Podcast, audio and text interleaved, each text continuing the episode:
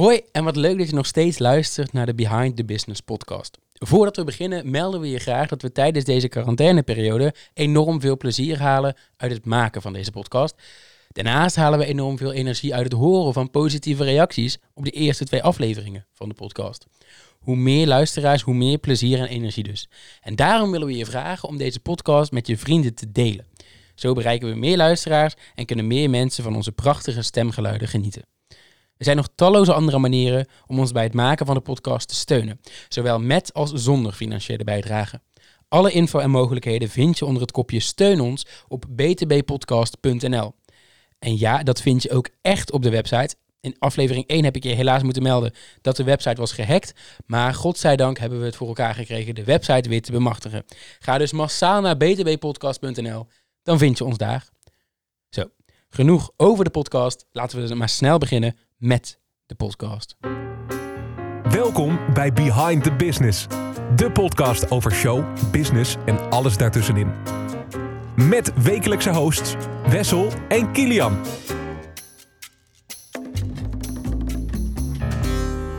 Wat doe je als je op het podium staat voor een groep dronken vrijgezellen? Wat denk je als het hele decor in één keer in elkaar stoot? En wat is de reden dat een groepje boze zeeuwen mij bekogelde met een handje vol zout? Dat hoor je in deze aflevering, waarin we het hebben over onze grootste bloepers en blunders. Maar voordat we beginnen, wederom, zoals elke week, de nieuwtjes van de week. Dit zijn de nieuwtjes van de week. Ja, Kilian, wat leuk dat we, wat leuk wat we, weer, eh, wat we weer op gaan nemen. Ja, we zijn weer bij elkaar, ja. Of nou ja, bij elkaar. Ja, ja, ja. We zitten wel op een Ja. afstand, maar we kunnen in ieder geval met elkaar praten, ja. Wat gezellig. Ik, eh, ik heb er heel erg naar uitgekeken. Eh, want het is ja, de- misschien leuk om te vertellen, het moment dat we dit opnemen is 4 mei. Ik heb net een, een, een informeel weekje meivakantie achter de rug. Dus ja, nu aflevering 3 alweer. Ja, het gaat snel, hè? Ja, ja, ja. Nou, ik blijf onverminderd leuk om het op te nemen natuurlijk. Terwijl ik eh, een lekker bakje koffie aan het drinken ben. Want het is nog vroeg. Ja. Ehm Kilian, ik zei het net al, we gaan naar de nieuwtjes van de week. Ja. Ik ben benieuwd of jij het eerste nieuwtje van de week deze week hebt. Ja, ik heb zeker eh, iets gevonden. Het sluit wellicht een klein beetje aan, een klein beetje een raakvlak met, eh, met wat wij vandaag over gaan hebben. Het gaat maar over het Fire Festival. Nou, wellicht heb je er ooit van gehoord. Het is in april 2017 zou het moeten worden gehouden. En Netflix heeft er een eh, soort van documentaire over gemaakt. En daar gaat het eigenlijk. De documentaire heet Fire, The Greatest Party That Never Happened. En ik zou je kort even meenemen. Het is een soort van festival dat werd georganiseerd door Billy McFarland en Ja Rule. En dat is een rapper. Ehm, nou, het was een festival voor de aller, allerduurste. Het was gemiddeld 5000 dollar per ticket dat je moest betalen. Het liep uiteen van 1000 tot 10.000 dollar per ticket. Nou, de reclame werd gemaakt. ehm, het was namelijk zo dat het op een onbewoond eiland was. De, ehm, in plaats dat je op Lowlands in een, nou ja, een wat moeilijk tentje moest slapen, werd ja, inderdaad, op een camping werden daar ehm, nou, de grootste eh, ja, soort van luxe suites voor je gemaakt, zodat je daar kon overnachten. De grootste artiesten zoals Major Lazer zouden er optreden, nou, noem het allemaal maar op. Nou, zelfs op 12 december 2016 maar de grote namen als Kendall Jenner, die vervolgens een thumbnail van het oranje logo op Instagram postte. Ehm, voor dat reclamemerk was 250.000 euro per ehm, influencer beloofd. Dat hebben ze overigens nooit gekregen. Waarom niet, kom ik zo meteen op. Ze hebben zelfs een vliegtuig beschilderd om zo gasten naar het eiland te vliegen. Nou, en in die end kwam het erop neer dat toen ongeveer 5000 gasten aankwamen die allemaal gemiddeld 5000 euro hadden betaald, er helemaal niks was. Het eten was slecht. In plaats dat je luxe broodjes zou krijgen en sushi als ontbijt, ehm, werden er harde broodjes geserveerd. De tenten waren slecht. Die waren zelfs ondergelopen door de regen. Eh, het eiland bestond nooit. Dat hebben ze in de reclame wel laten overkomen. Het eiland was geen onbewoond eiland. Het was gewoon een stukje eiland wat nog over was in de Bahama's ergens. En het was dan zo dat de beloofde artiesten er niet eens waren. Nou, vervolgens heeft Billy McFarland daarvoor zes jaar gevangenisstraf gekregen. 2 miljoen dollar moeten terugbetalen. En in 2019 kwam ook nog een keer naar buiten dat hij ook nog een keer 26 miljoen dollar moet terugbetalen aan alle investeerders. Dus dat is een eh, forse straf. En daar gaat eigenlijk de hele Netflix eh, eh, over. En ehm, ik raad het je echt aan om eventjes te bekijken, want het is echt interessant. gewoon ja, om te zien hoe dat nou in zijn werking gaat. Ze zijn echt vanaf dag 1 begonnen. Goed, die twee eh, mensen kwamen bij elkaar, een ondernemer en een rapper. Die kwamen bij elkaar. Wij willen eh, ja, het beste festival ter wereld opzetten. Nou, vanaf toen is de documentaire gemaakt. En eh, nou, totdat het er ook daadwerkelijk was, dan zie je dat al die mensen aankomen in bussen. Ja, op een super, super lelijk terrein eigenlijk. Wat nog niet eens af was. Met een hoofdpodium waar niemand op stond. En noem het allemaal maar op. Maar is het, dan, is het dan een flop geweest of is het echt gewoon oplichting geweest? Ja, het zijn twee kampen. De ene zegt het is inderdaad een oplichting geweest. De andere zegt het is een, een flop geweest. Ik denk een beetje ertussenin. Ehm, bijvoorbeeld dat ze de, ehm, de... Bijvoorbeeld een Kendall Jenner die vervolgens het artiest... eh, die het festival ging promoten... dat nooit geld heeft gekregen. Dat vind ik een beetje het... ehm, het oplichtingsgebeuren. Maar ze hebben wel daadwerkelijk geprobeerd het festival echt op te zetten. En gewoon vanwege de hoge kosten is dat nooit uit de verf gekomen. Dus vandaar is het ook een beetje een flop. Oké, en die, eh, wat jij zei, die op, op Netflix, ehm, is het echt een documentaire? Als in toen gefilmd? Of is het een beetje een reconstructiefilm achter? Nee.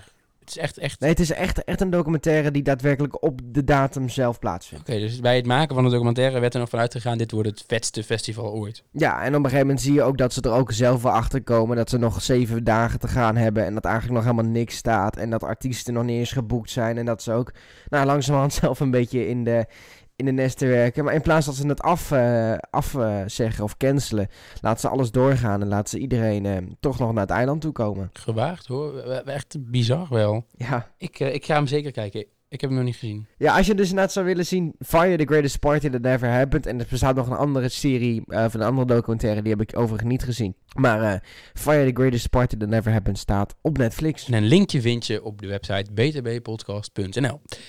Ik heb ook nog een nieuwtje. eh, Of eigenlijk is het Ik geen nieuwtje. benieuwd. Het is een, een, een tip. Een beetje een aanbeveling.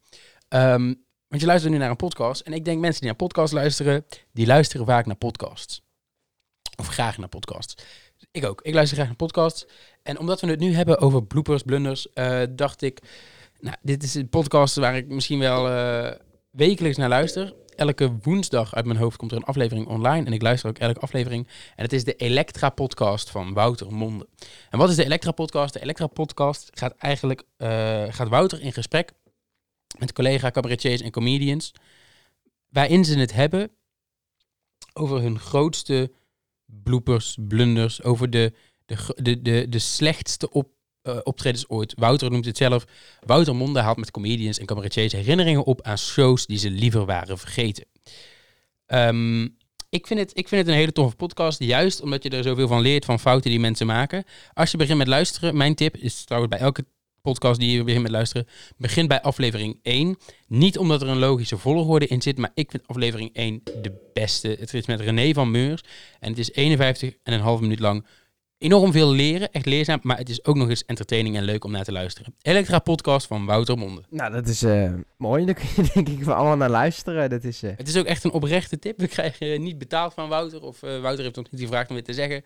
Ik ken Wouter niet eens. Ehm, het, is, het is echt gewoon een tip van mij. Ik, ik ben, ja, beleef enorm veel plezier aan die podcast. Dus waarom zou ik het jullie niet gunnen? ik ken de podcast nog niet, dus ik ga, ik ga hem nog even zoeken. Nou, als je de podcast wil zoeken, er staat een linkje op de site. Net als bij het Fire Festival. Kijk eens, dan hoef ik niet zo ver te zoeken. Gewoon btwpodcast.nl intypen en dan eh, komen alle linkjes daar te staan. Zeker. Je luistert naar Behind the Business. Ja, en dan het hoofdonderwerp van vandaag. We gaan het hebben over, hebben over blunders en bloopers. Wat doe je nou als er iets fout gaat? Hoe pak je het op? Wat zijn de do's en de don'ts? Eh, wanneer moet je wat doen? Wat zijn onze grote bloopers? Ik heb er een aantal. Ik weet niet hoe het met Kilian zit, maar ik, eh, ik kan wel een eh, uurtje vol praten. Ja, ik ook wel. Dus eh, we gaan het er maar eens over hebben. En Kilian, Ja. ik vraag me af wat gelijk jouw grootste blooper of blunder is. Ja, ik heb er zoveel om eerlijk te zijn. Of, ja, dat, dat, dat klinkt misschien heel slecht, maar ik denk dat die bloopers juist iets leuks zijn, ook iets menselijks. En het zijn hele kleine dingen, van dingen vergeten, tot, ehm, nou, zoals Wes al in het begin al zei, een heel decor dat in elkaar stortte. Dus ja, ik weet, weet niet echt mijn grootste, want de ene die eigenlijk heel klein is, die is net zo groot als dat een heel decor in elkaar stort. Maar een heel decor in elkaar storten, dat heeft het publiek veel eerder door dan dat ik een foutje maak ergens anders. Dus ja, het is een beetje van beide. Heb jij eh, een grootste blooper? Ja, het is moeilijk om dan een grootste te kiezen. Ik weet wel dat de blunders of bloopers die ik het ergste vind, dat zijn degenen die ik kon voor- voorkomen. Dus echt door een fout, wat je net al zei, eh, iets vergeten klaar te leggen. Nou, dat vind ik zo stom van mezelf, want dat had helemaal nooit hoeven gebeuren. Maar goed, een decor dat in elkaar stort, daar kan je dan weer weinig aan doen. Ehm, dus dat vind ik dan nog acceptabelere bloepers voor mezelf dan wanneer er inderdaad iets vergeten bent klaar te leggen. Daarnaast is het ook wel zo dat ik voor mezelf een geruststellende gedachte heb gecreëerd dat als er iets fout gaat, dat ik denk, oh, maar dan heb ik in ieder geval een mooi verhaal om te vertellen. Ja. En al die verhalen komen er nu uit in deze aflevering van Behind the Business. Maar goed, mijn grootste... Ja, ik heb één dag gehad waar alles bijna... Het was ook daadwerkelijk een vrijdag de 13e. En ik weet niet hoe dat dan zit. Of, of, of eh, ik las ooit een post op Insta van Guido Weijers... waarop stond... Ik doe niet aan vrijdag de 13e, want dat brengt ongeluk. Nou, dat is natuurlijk een, een, een ironische post. Ehm, maar de insteek ben ik het wel mee eens. Ik denk dat vrijdag de 13e... Als je denkt, oh, vrijdag de 13e, dan gaat er van alles mis. Dan gaat ook van alles mis. Wat was er op deze dag aan de hand? Ik ging met een paar vrienden naar de Efteling. Maar s'avonds had ik een optreden. En de Efteling, dat was in de tijd in de zomer, dat de Efteling tot s'avonds 12 uur geopend was. Ehm, maar goed. Eh, de, de, overdag was er, ik weet al niet meer wat het was, maar mij had ik een flesje, flesje frisdrank en ik draaide het open en het, het spoot eruit, zeg maar. Dus het ontplofte een beetje. Nou, op dat moment denk je, oh wat vervelend, hé, maar het is toch vrijdag de 13e en dan zit je al in die neerwaartse spiraal. Eh, want alles is vanaf dan ongeluk, ongeluk, ongeluk in je, in je hoofd dan. Hè? Ehm, dus uiteindelijk was het een uurtje of vijf en ik moest uiterlijk om zes uur weg. Dus wij keken een beetje in de wachtrij-app. En het, eh, ik zag dat de Vliegende Hollander had maar een half uurtje wachttijd. Nou, prima, half uurtje wachttijd. Vijf minuutjes erin, terug naar de uitgang lopen. Ik kan prima om zes uur in de auto zitten. Dus wij naar de Vliegende Hollander, wij in de wachtrij. Nou, duurde iets langer dan een half uurtje. Uiteindelijk zaten we erin. Eh, ik, voor de mensen die de Vliegende Hollander kennen, op een gegeven moment, bij elke achtbaan, ga je naar boven om vervolgens naar beneden te gaan. Naar daarboven, dat is nog binnen. En bij de Hollander is naar beneden, is buiten. Wij gaan naar boven, naar boven, naar boven. Dan hang je even stil. Dan kijk je naar boven naar een, een, een eh, man die een, een soort doodhoofd wordt. En dan ga je verder. Normaal gesproken. Wij bleven hangen. Wij zaten eh, vast op de lift hill, zoals dat dan heet. Ehm, en iedereen werd door Vliegende Holland personeel uitgehaald. Elk bootje. Dus in de attractie, in het water. Elk bootje werd eruit gehaald. Behalve wij, want wij zaten echt vast. Dus wij konden ook niet verder. Ehm, en omdat we schuin zaten, moesten we er door een echt reddingsteam van de Efteling uitgehaald worden. Maar ja, die waren natuurlijk niet om de hoek. Dus daar moesten we eh, zo'n half uurtje om wachten. Dus we hebben echt een half uur vastgezeten in de Vliegende Hollander. Toen, ehm, toen moesten we eruit met allemaal tuigjes. Dus kreeg je echt zo'n tuigje aan, aan zo'n, aan zo'n katrol. eh, en moest je eruit. Eh, maar ja, toen was het natuurlijk al ver na zessen. Toen kwam er een of andere eh, kantoormeneer van de Efteling met een, met een hele stapel vorderingpasjes. Waar de datum van die dag op stond. En een aantal attracties waar je dan in mocht. Nou, de Baron, Baron 1898, was die week geopend. Ehm, en ik was er nog niet in geweest. Dus ik dacht, oh tof, heb ik een vorderingpasje. Maar toen zag ik die datum. Dit was alleen maar die dag geldig. En ik moest echt als een speer naar de auto om door te gaan naar het optreden wat ik die avond had. Dus en mijn flesje cola ontplofte. En ik zat heel lang vast op de lifthill van de Vliegende Hollander. En ik was te laat voor mijn optreden. En ik kon eindelijk zonder wachtrij in de Baron. Maar ik moest weg, dus ik had er geen tijd meer voor. Terwijl al mijn vrienden er wel in konden. Dat is dus... eh, Oh, en toen s'avonds bij het optreden, toen kwam nog de... Ja, het was niet echt een blunder. Ik, eh, het was in een restaurant in Goes. En ik stond daar op te treden. En ehm, ineens voelde ik iets in mijn nek.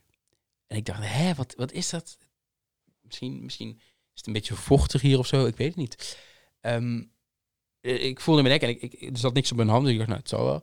En toen voelde ik het nog een keer en nog een keer. En toen keek ik om en toen zag ik dat het tafeltje achter mij...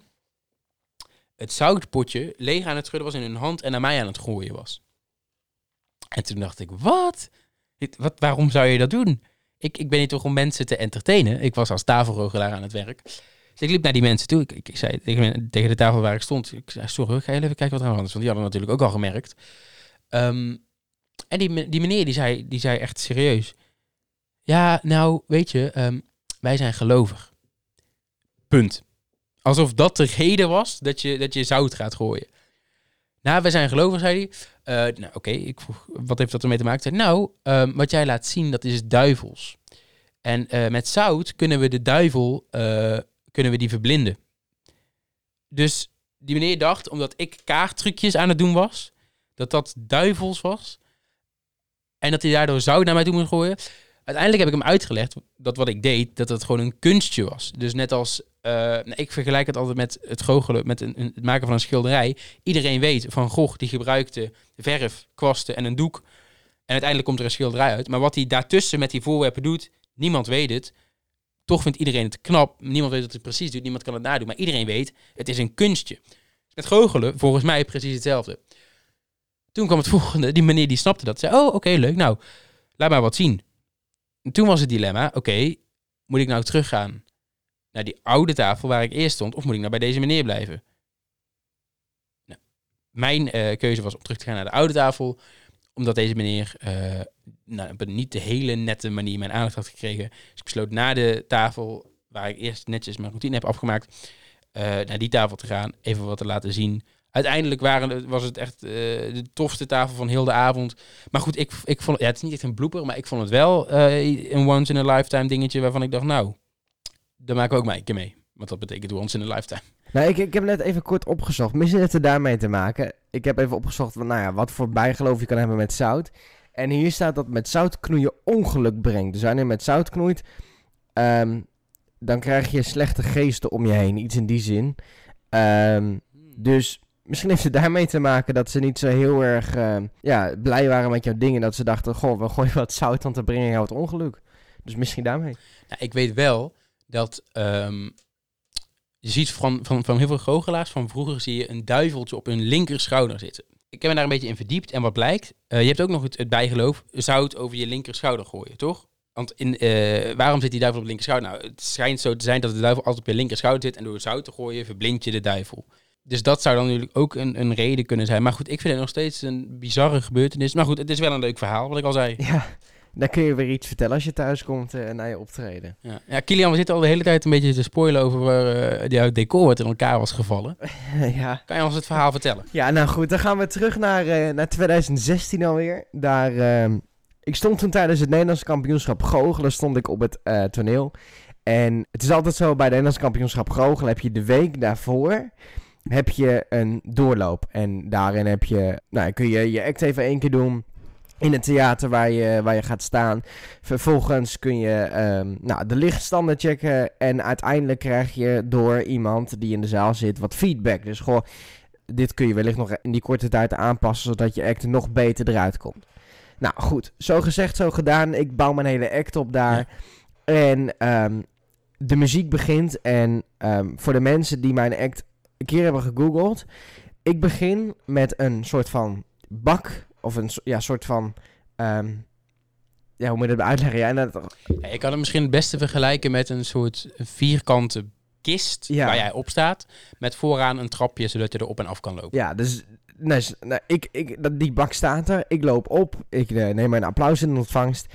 Vervolgens wordt van links en rechts worden er zwembanden aangegooid. En dat zijn een soort van hele grote ringen die op dat, eh, eh, ja, op dat ding komen te staan. Nou, en uiteindelijk na vier banden komt mijn assistente eruit. Die dan tevoor zijn verschenen. Nou, nou was het zo dat ehm, dat ding kan niet op de rem. En dat wist ik van tevoren wel. Maar ik had thuis geoefend eh, op tapijt. En ik dacht, nou ja, dat werkt allemaal wel. Vervolgens kwam ik daar aan en dan kom je op een balletvloer. En voor de artiesten onder ons die weten dat een balletvloer enorm gevoelig is als het gaat om wieltjes. Dat, Ja. ehm, je kan het zo gemakkelijk rijden en dat had ik dus niet door. Dus nou ja, je raadt al wat er gebeurt. Ik eh, doe ding 1 erop, dat werkt. Ding, voor zwemband 2, zwemband 3. En de laatste moest ik op het trapje staan. Dus vervolgens sta ik op dat trapje en dat ding rijdt niets vermoedend achteruit. Nou, en achter mij stond mijn hele decor. Dus dan moet je je voorstellen een, eh, een, een wand, eh, twee tafels aan elkaar vast en eh, daaronder uiteraard nog wat trucs. Dus niets vermoedend wil ik op dat ding staan en rijd dat ding naar achter. En ja, nou ja, je raadt al wat er gebeurde. Dat ding is volledig mijn decor ingereden en eh, alles viel. Nou is het zo dat ik toen nog niet zo helemaal goed wist wat ik moest doen. Dus ja, ik ben maar gewoon doorgegaan en eh, halverwege eh, mijn act is mijn, mijn zusje en tevens mijn assistente. Die heeft eventjes, ja, is, is eventjes weggelopen, is eventjes achter mijn decor gaan staan samen met mijn opa die ook backstage stond. Alles weer recht overeind gezet. Nou, en toen ben ik weer verder gegaan. Dus het was, was een bizar verhaal. Gelukkig op het Nederlands kampioenschap zelf wist ik het natuurlijk dat dit kon gebeuren. Dus dat is weer een positief Ja. iets. Dus toen is het niet meer gebeurd. En toen heb ik er ook gelijk eh, remmen onder laten zetten. Maar het was zo bizar, want ja, ik heb het dus eerst thuis geoefend op tapijt. Nou, en op tapijt, daar rijdt dit niet zo makkelijk. Dat blijft best staan. Maar ik had dus ook nooit bij stilgestaan dat zodra je op een balletvloer klomt, dat vrij gevoelig is met wieltjes. Dus nou, dat kun je vrij makkelijk rijden. En eh, ja, daar heb ik helemaal nooit, nooit bij nagedacht. En eh, Ja. nou ja, in die end kwam, eh, stortte mijn decor daardoor in. ja. ja, en normaliter is het natuurlijk enorm handig dat een, dat een wieltje bizar goed rijdt op een balletvloer. Ja, neem bijvoorbeeld een musical of een, of een tone- toneelvoorstelling. Toneelstuk heet dat best wel. Of een toneelstuk. Dat er een, een decor gewisseld moet worden. Dan is een wieltje natuurlijk echt de oplossing, omdat het zo snel rijdt. Ik heb zelf, en daar ben jij ook bij geweest, Kilian. Hans Klok in Blackpool. eh, even uitleggen, Blackpool is eh, een van de grootste goochelconventies van de wereld. Eh, inmiddels zitten er volgens mij 3.500 goochelaars. nou wel meer ondertussen, 6000. Volgens mij vier, hè? Ja, tussen, tussen, Hoeveel zei je? tussen de 6 en de 4000 ongeveer. Tussen de 6 en de 4000, ja. Ehm, maar goed, daar heb je elke avond een gala-show. En in de laatste gala-show, de laatste act, echt de headliner van de avond, was Hans Klok. Maar wat is in Blackpool nou het geval? Daar hebben ze ook een balletvloer, maar dat niet alleen. Die balletvloer, of het hele theater, is eigenlijk... eh nou, Blackpool is een kustplaatsje in Engeland. Oftewel, de grond is vrij zacht. Dus eh, zo'n theater is natuurlijk echt e- enorm. Maar dat is op vrij onstabiele grond gebouwd. Waardoor, dat, eh, waardoor één deel van het theater, als het ware, een beetje de grond is gezakt. Waardoor het podium, in, ik, ik moet even opzoeken hoe het is hoor, maar het echt een bepaald aantal graden schuin staat. En Hans Klok, die doet precies hetzelfde als Kilian, illusies ehm, met wieltjes eronder. Dus het, het, het, eh, zijn grootste angst was ook altijd... Oh, en dat is ook nog een ding. Hans Klok, die is natuurlijk de snelste illusionist ter wereld. Dus hij zet zijn remmetjes er niet op, zodat het zo snel mogelijk door kan. Maar goed, eh, als het schuin staat en je, je, je, je kist of je kast met je assistenten erin, eh, die gaat rijden... Ja, dat is natuurlijk enorm gevaarlijk. Dus het was ook wel een... eh, nou, het was een leerzaam moment om te zien. Niet omdat er iets fout ging, maar gewoon in hoeverre dat was aangepast door eh, meneer Klok himself.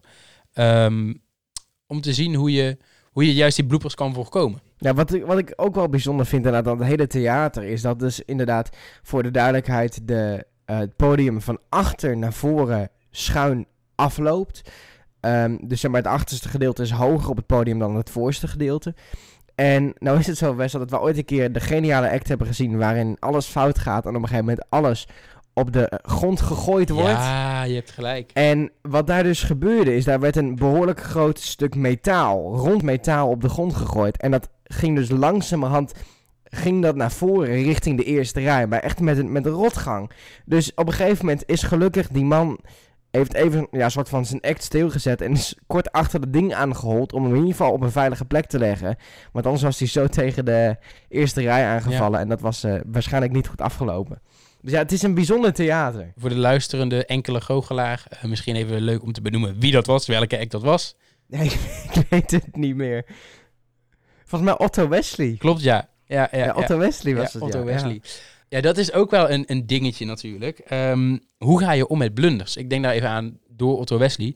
Otto Wesley, voor de, voor de niet-kenners, die heeft een beetje een stijl zoals Tommy Cooper, maar dan nog... Het is een beetje Tommy Cooper meets André van Duin, denk ik. Ja, maar wat Otto Wesley ook, ook doet, is Tommy Cooper die goochelde oprecht ook nog wel een beetje. En dat doet hij totaal niet. Hij heeft, heeft allemaal goochelattributen Nee, nee, nee. en doet er eigenlijk helemaal niks mee. Het is, het is echt hilarisch. Ehm, maar goed, zijn, zijn stijl is dus een beetje dat het een goochelaar is waar alles fout gaat.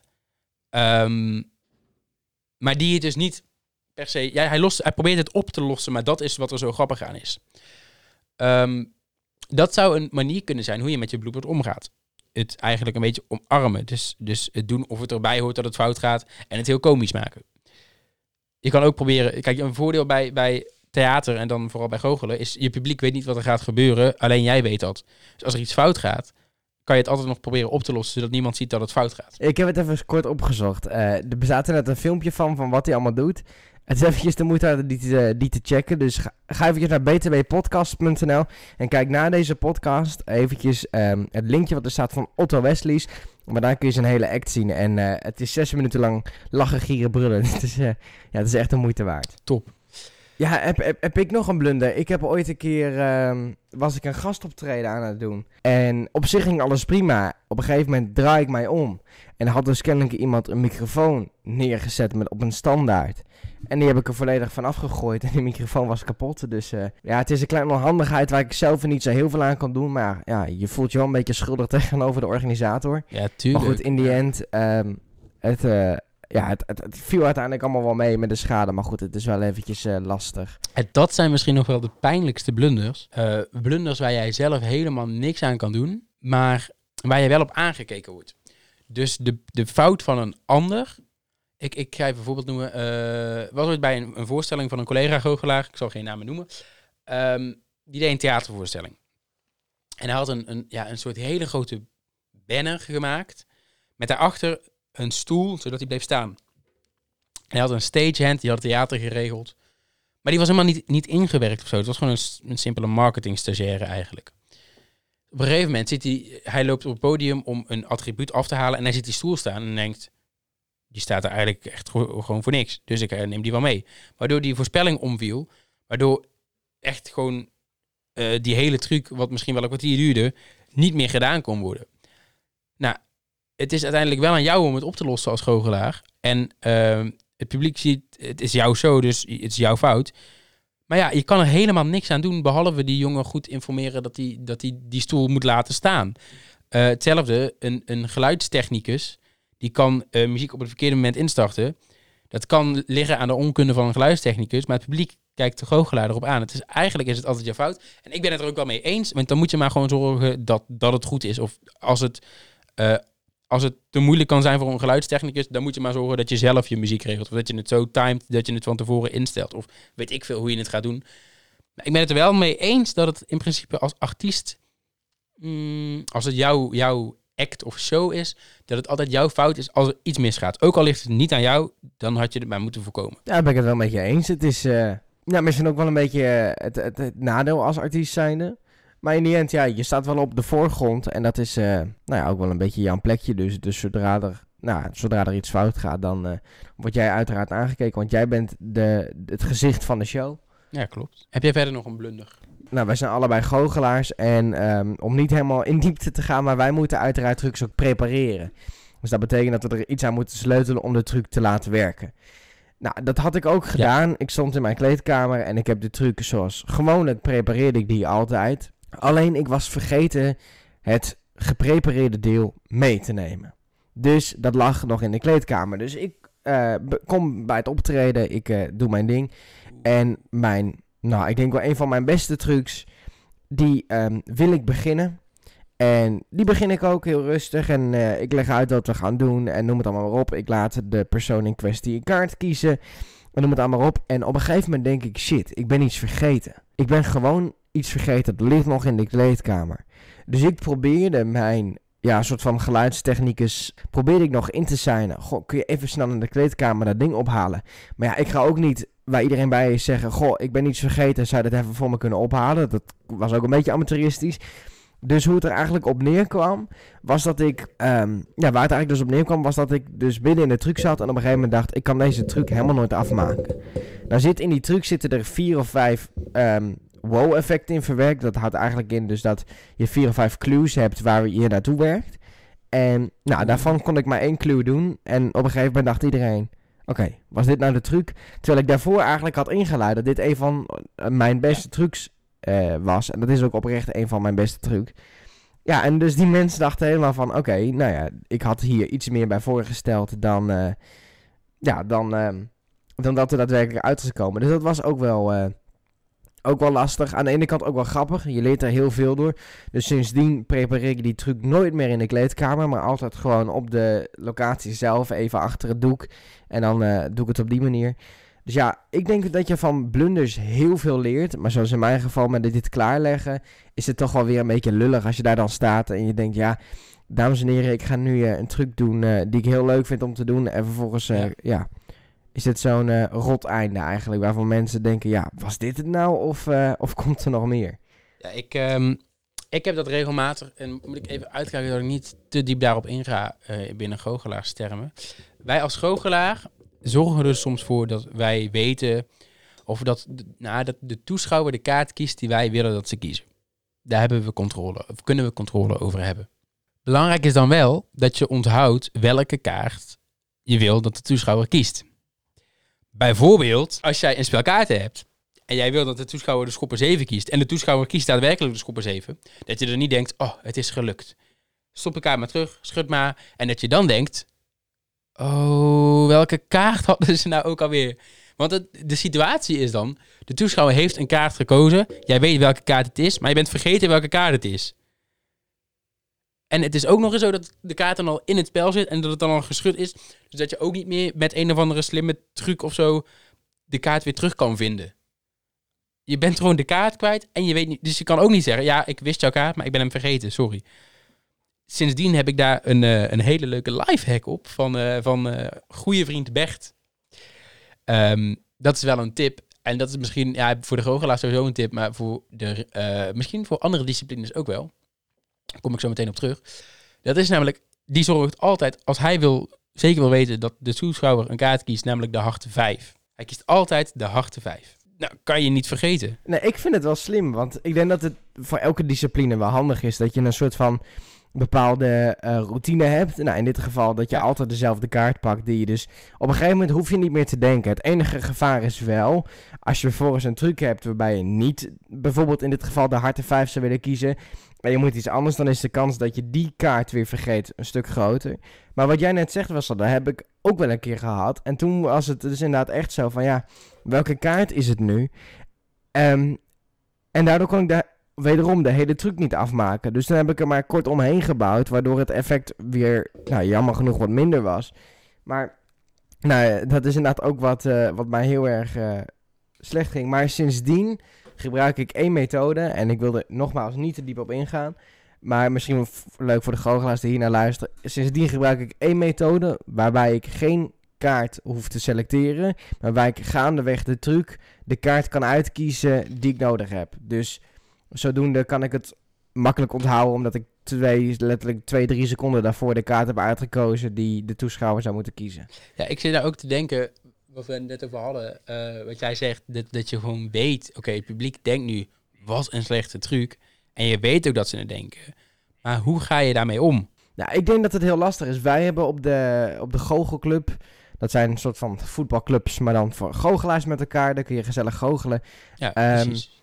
Daar hebben wij wel eens lessen gehad over hoe ga je om met bepaalde situaties. En dat zijn dingen als uh, dronken mensen aan tafel. Um, een heel luidruchtig um, restaurant waar je eigenlijk niet over de tafel heen kan komen uh, qua, stemgeluid. Nou, en noem het allemaal maar op. En dat vond ik op zich hele interessante lessen. Want je hebt dus, uh, we hadden zeg maar twee acteurs. en die deden bijvoorbeeld een dronk iemand na.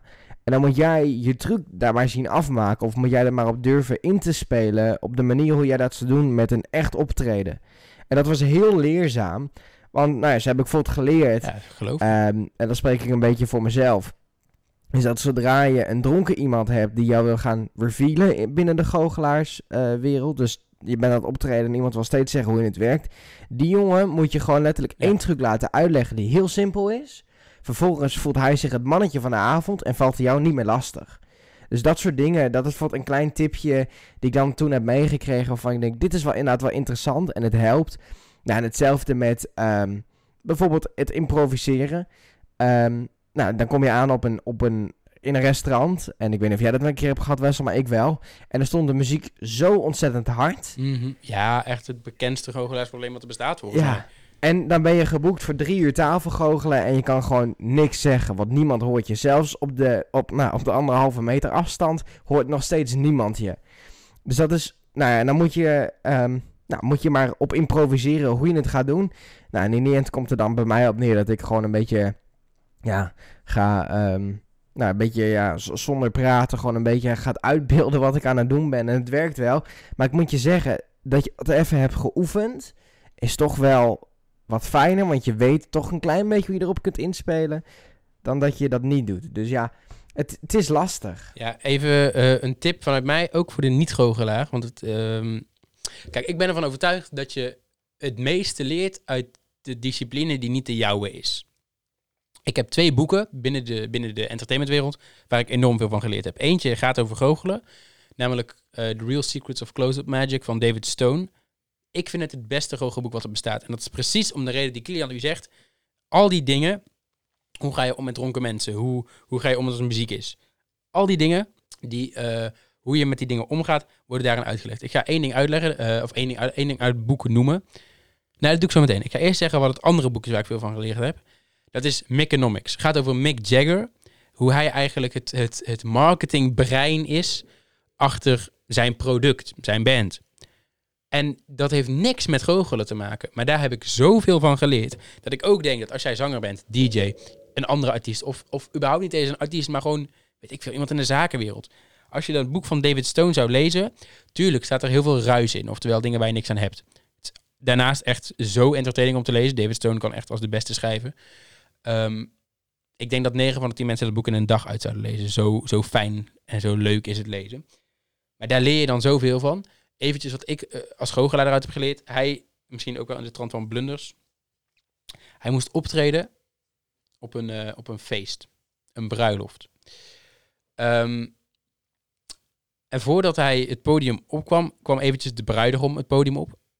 En zei, ja, eh, mag ik heel even de aandacht? Ehm, ik heb hier een foto meegenomen. Had hij een foto van zijn beste vriend. Dit, is, dit is Rick. Rick zit daar. En hij wijst naar Rick. En Rick en mijn, mijn vrouw, die hebben eh, al meerdere keren met elkaar geslapen. Dus eh, ik wil even zeggen eh, dat ik morgen gelijk een scheiding ga aanvragen van, weet ik hoe zijn vrouw heette. Maar goed, geniet van de rest van het feest en hier is de goochelaar. En dan moet jij als goochelaar het publiek gaan entertainen. Nou, precies dat soort dingen, die soort situaties, die niet allemaal zo specifiek, die staan uitgelegd in dat boek en hoe je daarmee omgaat. Maar we- weet je toevallig wat hij heeft gedaan? Hij heeft er een beetje, nou niet per se een roast van gemaakt. Maar hij heeft echt gewoon, ja, een beetje gewoon... eh, kijk, kijk, er was een wond gemaakt. Dus die wond, die kan je, kan je een pleistertje opplakken. Maar ja, dat, dan is het dan net niet. Dus hij is gewoon heel veel zout in die wonden gaan strooien. Eh, en ja, dat kan dan twee kanten op gaan, maar dat is een risico wat je moet nemen. En hij is gewoon vol gaan roosten. Ehm, op, op, nou, niet per se op die vrouw en die vriend, maar op de ongemakkelijk, eh, ongemakkelijkheid van, wat, van nou, eh, echt eigenlijk gewoon benoemen wat de situatie is. Van, nou ja, oké. Ja, niet per se, ja, als je David Stone kent, dan weet je dat hij niet zo, nou, nou, oké, maar dat hij wel echt zijn mannetje staat. Maar hij is, hij is er wel ehm, best wel hard ingegaan. En dat heeft gewerkt, maar het, ja, het moet natuurlijk ook een beetje bij stijl passen. Hij kan zoveel maken, die David Stone. Ja, ik heb ooit een keer, eh, was ik in Rimini in Italië, was het wereldkampioenschap goochelen en daar sprak ik met Paul Daniels, jammer genoeg overleden. Maar in mijn goochelwereld eh, hartstikke bekend. Die was ooit een keer gevraagd om een, een optreden te doen in een soort van mijnwerkers. Ja, schachtachtig iets. En die mijnwerkers die hadden niks te doen en ze dachten, nou ja, we huren maar een goochelaartje in en dat, dat is het. Maar ja, die mensen waren natuurlijk zo dronken als het maar kan. Want ze dachten, ja, ze hebben ook een keer een avond vrij. Dus ze namen het er volledig van. En Paul Daniels was gebeld, eh, of ja, ge- geboekt voor ongeveer drie uur op een podium te goochelen. Wat al behoorlijk lang is. Maar ja, na een half uur kwam hij erachter, eh, dit werkt niet. En toen vertelde hij mij dat hij... Ik zei van, ja, hoe heb je dat dan opgelost? En toen vertelde hij dus mij dat hij, dat hij op een gegeven moment zei, ja, ze, ze begonnen te zingen. Gewoon echt van die mijnwerkersliedjes. En toevallig kende ik daar ook een paar van. Dus ik heb drie uur lang met die mensen gezongen. En die mensen hebben de avond van hun leven gehad. Dat was waarvoor ik geboekt was. En of het nou met goochelen te maken had of gewoon met wat anders. Ik heb gewoon drie uur lang met die mensen gezongen. En kwam het erop neer dat hij naar zijn... ehm nadat hij naar de organisator ging, naar degene die hem had geboekt. En die zei, goh, ik vond het zo leuk dat je hebt gedaan. Ik geef je er gelijk 200 euro extra bij. Dus Paul Daniels, die had dus in die tijd niet alleen gewoon gewonnen... eh, of niet alleen verdiend wat hij normaal zou verdienen. Eh, hij heeft iets heel anders gedaan en daardoor ook nog een keer extra geld gekregen omdat hij het zo goed had opgelost. Want die bookings en die organisatoren, organisatoren hadden er ook niet heel erg bij nagedacht dat het eh, nou, op deze manier eruit kwam. Dus ik vond het heel interessant om zo'n verhaal te lezen. Ja, ik ben het daar echt 100% mee eens. Ehm, nou, ik kijk weer naar, naar Beekse Bergen, waar ik natuurlijk eh, ook werk. En daar doen we ook mini-disco's. In het laagseizoen doe je soms een mini-disco voor één meisje van vier... die niet per se zin heeft om te dansen, maar die het wel heel leuk vindt. Ja. Ehm, en ik vind het dan zo, te zo tenenkrommend, niet per se bij Beekse Bergen of zo... maar gewoon bij een mini-disco om dat dan te zien, ook al is het in Griekenland of zo... dat dan die, die, die mensen van de mini-disco zo... zo ja, een beetje met oogkleppen op doorgaan, doorgaan met die minidisco. Ook al zie je duidelijk dat het meisje gewoon zin heeft om met die eh, mensen van de animatie gewoon even te spelen. Of misschien een dansspelletje te doen. En ik vind het dan zo frustrerend dat mensen zich zo vasthouden aan dat minidisco. Of bij, inderdaad, wat je zegt met goochelen. Dat als je soms merkt van, oké, deze kinderen die hebben gewoon echt geen zin om te kijken naar goochelen. Maar die willen gewoon ehm, ja, in gesprek met mij of zo. En dat je dan op een hele entertaining manier een gesprek met die kinderen. Ik, ik, ja, ik ben het daar wel mee eens. Je bent entertainer en niet per se dat je moet, per se moet goochelen. Nee, daar ben ik het ook wel met je eens. En dan vind ik het wel zo, wat ik uit ervaring heb, en dan wil ik niet gelijk alles over één kam scheren, maar de meeste van die, um, vooral in het buitenland wat ik heb gezien, als ik bijvoorbeeld op vakantie ben geweest, de meeste van die um, animatieteams, dat zijn gewoon mensen of studenten die wat extra willen bijverdienen en dan gewoon een protocol krijgen en zeggen, goed, hier heb je dit. In Nederland weet ik het niet helemaal zeker. Ik heb er 50-50 ervaring mee. Maar um, dat zijn niet altijd echt zeg maar, de entertainers, entertainers zoals we die kennen in Nederland. Maar gewoon een beetje, ja, nou, ik wil graag uh, wat geld verdienen. Nou ja, er was toevallig nog een plekje bij de entertainment. Ik vind het wel leuk om met kindertjes om te gaan. Dus um, op die manier. Dus wellicht durven die ook niet heel erg af te wijken van hun standaard protocol. Als je een beetje snapt wat ik bedoel. Ja, dat snap ik. Even terugkomend op inderdaad naar we bij minidisco zijn. Um, kijk, binnen de animatie werk je, um, werk je best wel lange dagen, zware dagen. Dus je pauzes moet je ook echt pakken. En uh, het is binnen animatie een beetje ja, een, soort, een soort inside joke geworden. Dat, dat wat je op de werkvloer bent, dus de enorm vrolijke, misschien is het een typetje, um, dat is echt het tegenovergestelde van wat je in je pauze bent. Dat is misschien, ja, jij hebt park entertainment gedaan ook. Ik zie dat bij park entertainment ook gebeuren. Ik weet niet hoe het bij jou zit. Uh, maar in de pauzes ben je gewoon, ja, dan moet je soms even gewoon wat zaggerijniger zijn of gewoon uh, even er geen zin in hebben. Zo ook iemand uit mijn team van vorig jaar, um, die haar zender al aan had staan. En vervolgens ons meldde dat ze echt geen zin had in die mini-disco met die vervelende rotkinderen. Maar goed, dat hoorden ze dus al in de zaal. En dan moet je nog beginnen met je mini-disco. En het leukste was ook nog, zij stond die avond alleen met de mini-disco. Dus zij heeft dat gezegd. Vervolgens moest ze gaan beginnen. Dus zij moest dat podium oplopen en in eentje een mini-disco doen. Los het maar op. Ja. ja, dus heb ik dat ooit een keer gehad. Gelukkig niet bij mij, maar een verhaal gehoord van een... Uh, nou, wat minder bekende goochelaar, maar wel in de Nederlandse, wereld, Nederlandse goochelwereld vrij bekend. Maar ik ga zijn naam niet noemen. Maar die um, had een optreden gedaan. En vervolgens zei hij... Um, Goh, dames en heren, dankjewel. Jullie waren het beste publiek. En nou ja, het, het standaard praatje wat je regelmatig hoort als je in theaters bent. En de doeken gaan dicht en hij vergeet zijn zender te zeggen. En hij zegt tegen zijn stagehand achter, wat een kutpubliek zeg. Waarop het dus neerkwam dat hij twee seconden daarvoor heeft gezegd, jullie waren het beste publiek van de wereld. Het doek ging dicht, hij vergeet zijn zender te zeggen en hij zegt, wat een kutpubliek. Dus het was, ja, gelukkig hoeft hij daarna niet meer op en kon hij gelijk in zijn busje naar huis en niemand hoeft hem meer te zien. Maar het was natuurlijk wel, ja, ik vind het komisch als je zo'n fout maakt. Um, dat je nou ja, daarvoor dus nogmaals zegt, ja, jullie zijn het beste publiek van de wereld. En daarna um, het niet meer, uh, niet meer meent of zo. Nou, zo heb ik ook een keer iemand gezien. Um, dat was bij het Dutch Festival of Magic, oftewel het Nederlands kampioenschap goochelen. En het Nederlands kampioenschap goochelen, denk je, oh, dat zijn Nederlanders die meedoen om, uh, om Nederlands kampioen te worden. Ja, dat klopt, maar het is ook een open kampioenschap. Oftewel, kom jij uit uh, Zuidoost-Azië, mag je meedoen. Kom je uit Duitsland, mag je meedoen. Kom je uit Rusland, mag je meedoen. Nou, toevallig was er een Rus. En die Rus die deed een act. En ik, ja, het was allemaal wel leuk bedoeld hoor, maar het was het net niet. En op een gegeven moment ging hij met zijn rug naar het publiek staan, heel dramatisch, met zijn armen gespreid. Um, en toen was hij aan het wachten op een soort ja, accent in de muziek. Maar ik denk dat hij de act iets te snel had gedaan. En eh, ja, jullie kunnen dit niet zien, maar ik zie Kilian nu heel hard lachen. Want Kilian die, eh, die was hier ook bij. Ja, ik herken het weer. Ja, ehm, maar hij had dus zijn act iets te snel gedaan. En dat is dan weer het nadeel van werken op muziek. Dat je zo aan die timing gebonden zit. Ehm, dus hij, hij was aan het wachten en aan het wachten. En hij stond daar echt, nou ik denk, als ik zeg 40 seconden, dan is het nog kort. Hij stond echt 40 seconden te wachten tot ik kon omdraaien. En hij besefte zich ook, oh, dit duurt veel te lang. En toen draaide hij zich om en toen was de kleur van zijn t-shirt veranderd. En toen nam hij een beetje ongemakkelijk afscheid van het publiek. Dus hij en hij knikte een beetje. Toen, ehm, toen heeft hij backstage iedereen verrot gescholden. In het, ja, deels in het Russisch, deels in het Engels. Hij heeft zijn zender, die hij op had, die van de organisatie was, heeft hij in een, tegen een muur gegooid. Die was kapot. Hij is de branddeur uitgelopen. En niemand heeft hem het hele kampioenschap nog gezien. Ik denk dat hij rechtstreeks naar Rusland is gevlogen en nooit meer heeft gegoocheld.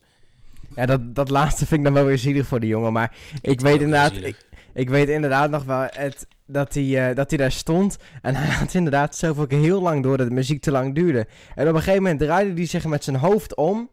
En toen, toen zei hij, just wait a minute, had hij gezegd. Toen, Ja. Dat was echt, ja...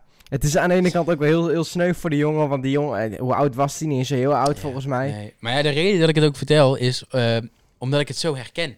Je staat soms op het podium en je weet, oh, dit is slecht. En ik weet dat iedereen nu denkt dat dit super slecht is. Maar ja, je moet door. Ja. Dus ehm, ja, het is niet lachen om die jongen. Het is gewoon, ik herken het zo erg. Ehm, ja, ik vind het ook wel zielig. Ja, het is, het is zeker wel zielig. Maar goed, inderdaad, dat je dat verhaal vertelt, daar moest ik zo om lachen. Want ik weet nog wel dat ik op die tribune zat. En dat het inderdaad zo lang duurde, waarop je op een gegeven moment ook dacht... Waar, waar is hij mee bezig? Want dat had hij volgens mij zelf ook niet helemaal door. Maar goed, dat laatste Nee. verhaal kende ik nog niet. Dat vind ik dan wel een beetje zielig voor die, eh, voor die jongen. Ja, Maar eh, ik heb het ook, ik stond niet backstage, dus ik heb het ook van horen zeggen. Ehm, ik heb toen volgens mij ook tijdens dat kampioenschap nog een gastact gedaan. Dus ik heb het wel van een van de organisatoren gehoord toen dat dat is gebeurd. Eh, dus ik denk dat het wel klopt. Maar goed, het zal niet heel veel van de waarheid liggen als het niet zou kloppen. nee. Nou, ze hebben mo- mooi wat blunders eh, gepakt. Ja, het, eh, en er zullen er vast ook nog wel wat komen, maar dat maakt niet uit. Nee, misschien kunnen we in de toekomst of in seizoen 2 nog wel een keer een hele aflevering wijden. Wellicht met een leuke gast die ook veel weet Ja. over blunders en dat soort dingen. Dus ben je nou aan het luisteren en denk je nou, ik heb echt superveel blunders gemaakt op het gebied van entertainment. Stuur ons even een mailtje. Eh, dat kan bij btwpodcast.nl schuine contact. En wie weet zit jij dan in seizoen 2 wel in de aflevering over blunders, mocht die er komen. Nou, dat, eh, dat hij er gaat komen, weet ik bijna wel zeker. Want ik vind het een van de leukste onderwerpen om over te praten. En eh, nou, nogmaals, heb jij een leuke blunder? Je kan hem uiteraard ook insturen. Je hoeft niet in de uitzending te komen. Je kan hem gewoon ook insturen. Kun je even een mailtje sturen met jouw, eh, met jouw blunder. Nou, en dan eh, kunnen we hem bijvoorbeeld een keer behandelen in de volgende podcast. We horen het graag. Ja, Bedankt voor het luisteren naar Behind the Business. Mocht je tips of tops hebben, horen we die graag via btbpodcast.nl schuine streep contact. Volgende week zijn we terug met een nieuwe aflevering. En ook bedankt aan jou voor het luisteren naar alweer deze derde aflevering. Volg ons op Instagram en Facebook, at Behind the Business Podcast. Of bezoek onze website btbpodcast.nl. Volgende week zijn we weer terug met een nieuwe aflevering met als gast Jorrit Schoneman. Tot dan!